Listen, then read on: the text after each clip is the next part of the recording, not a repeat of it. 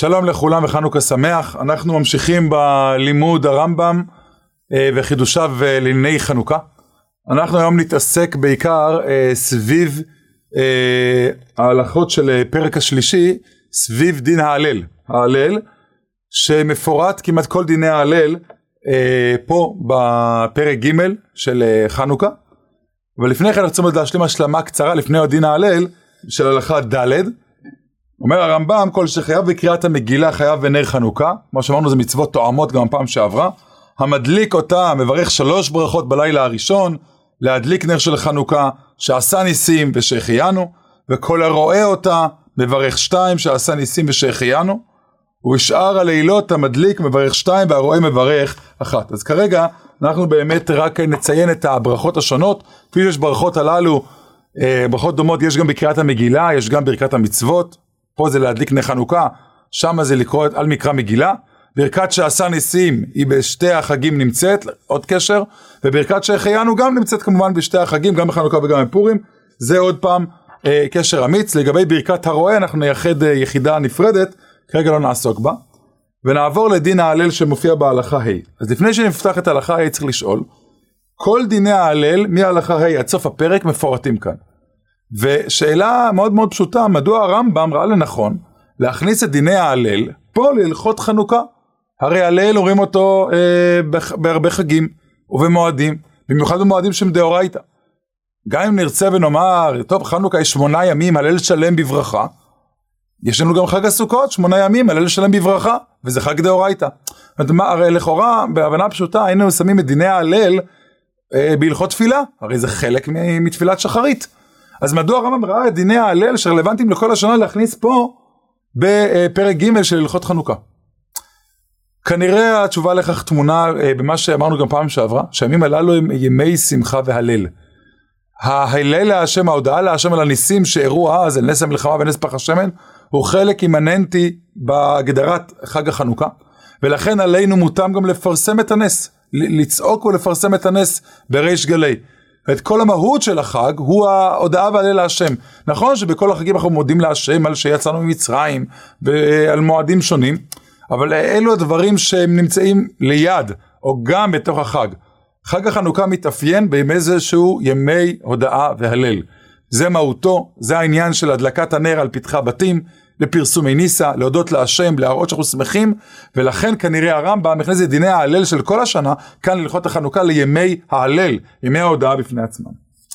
הרמב"ם אומר לנו, כל יום ויום משמונת הימים גומרים את ההלל של חנוכה, ומברך אשר גישנו לגמור את ההלל, בין יחיד בין ציבור. אז אה, קודם כל בעצם ההגדרה הזו, אה, הנוסח לגמור את ההלל, ידוע שיש לנו נוסחים שונים, זה גם אה, נוסח שעדות המזרח אימצו אותו, לגמור את ההלל. עדות אשכנז אמרו אה, לקרוא את ההלל.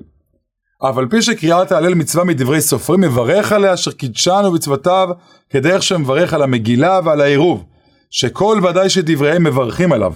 כל דבר שהוא ודאי, הכוונה היא שהוא תקנה ודאית, כמו עירוב תבשילין, כמו מגילה, כמו גם נר חנוכה, תקנה דה רבננית, מברכים על אשר קידשנו מצווה וציוונו. ואומר הרמב"ם, בדבר שהוא מדבריהם ועיקר עשייתו מבעל ספק, כגון מעשר דמי אין מברכים עליו, ולמה, לא, ולמה מברכים על יום טוב שני? כדי שלא יזלזלו בו. הרמב"ם טוען שעל דבר שהוא נעשה על צד הספק, כמו שאדם מפריש תרומת דמאי, לכך לא תוקנה ברכה, כי זה רק ספק, דמאי זה ספק מאוסר, ספק לא מאוסר, אתה מעשר ללא ברכה. הראב"ד פה משיג על הרמב"ם, לא ניכנס לזה כרגע, הוא טוען שזה מחלוקת המוראים בגמרא מסכת שבת, אבל לפי דעת הרמב"ם כנראה אין מחלוקת, רק את העיקרון אנחנו אה, אומרים. הרמב"ם רק שואל את עצמו, אז למה מברכים ברכות את הקידוש על יום טוב שני? הרי גם נעשה יום טוב שני בגלויות, הרי על הספק, התשובה היא כדי שלא יזלזלו ביום טוב השני, אז חיזקו אותו בברכות, שאומרים קידוש, ברכות שונות, וקריאה בתורה, ועולים לתורה וכולי, לכן חיזקו אותו. אז השאיר הרמב"ם ואומר, ולא הלל חנוכה בלבד שהוא מדברי סופרים, כן, אלא קריאת ההלל לעולם מדברי סופרים בכל יום שקוראים את ההלל. לא רק חג חנוכה, שהוא מדרבנן, ההלל מדברי סופרים, כל קריאת ההלל תמיד היא מדברי סופרים. גם המשפט הלכאורה הפשוט הזה, הרמב"ם מרמז להוציא משיטות אחרות, שיטת הבעל הלכות גדולות ואחרים, זה חוזר לשורש הראשון שפתחנו בשיעור שעבר, היא שגם מצוות ההלל היא מצווה מן התורה. גם הרמב"ן אה, טרח להסביר את דברי הבהאג. והרי כמובן השאלה הפשוטה איך זה מן התורה, הרי פרקי ההלל הם פרקי תהילים שיסדם דוד המלך. אז גם כאן הרמב"ן והבהאג הסבירו שהשורש של הודעה להשם נמצא בתורה, דוד אה, אה, כתב לנו את פרקי התהילים שאנחנו משתמשים בהם, אבל שורש ההלל דאורייתאי, כל פנים הרמב"ם לא הסכים לכך, והוא תמיד מדגיש שלעולם ההלל הוא מדברי סופרים, הוא רק דרבנן בלבד, ומברכים על דברים דרבנן. 18 יום בשנה מצווה לגמור את ההלל, ואלו הם שמונת ימי החג ושמונת ימי חנוכה, וראשון של פסח ויום עצרת, אז אה, גומרים את ההלל, אבל ראש השנה ויום הכיפורים כמובן, אין בהם הלל כימי תשובה ויראה ופחד, אה, לא ימי שמחה יתרה ולא תקנו הלל בפורים כי קריאת המג... המגילה היא ההלל.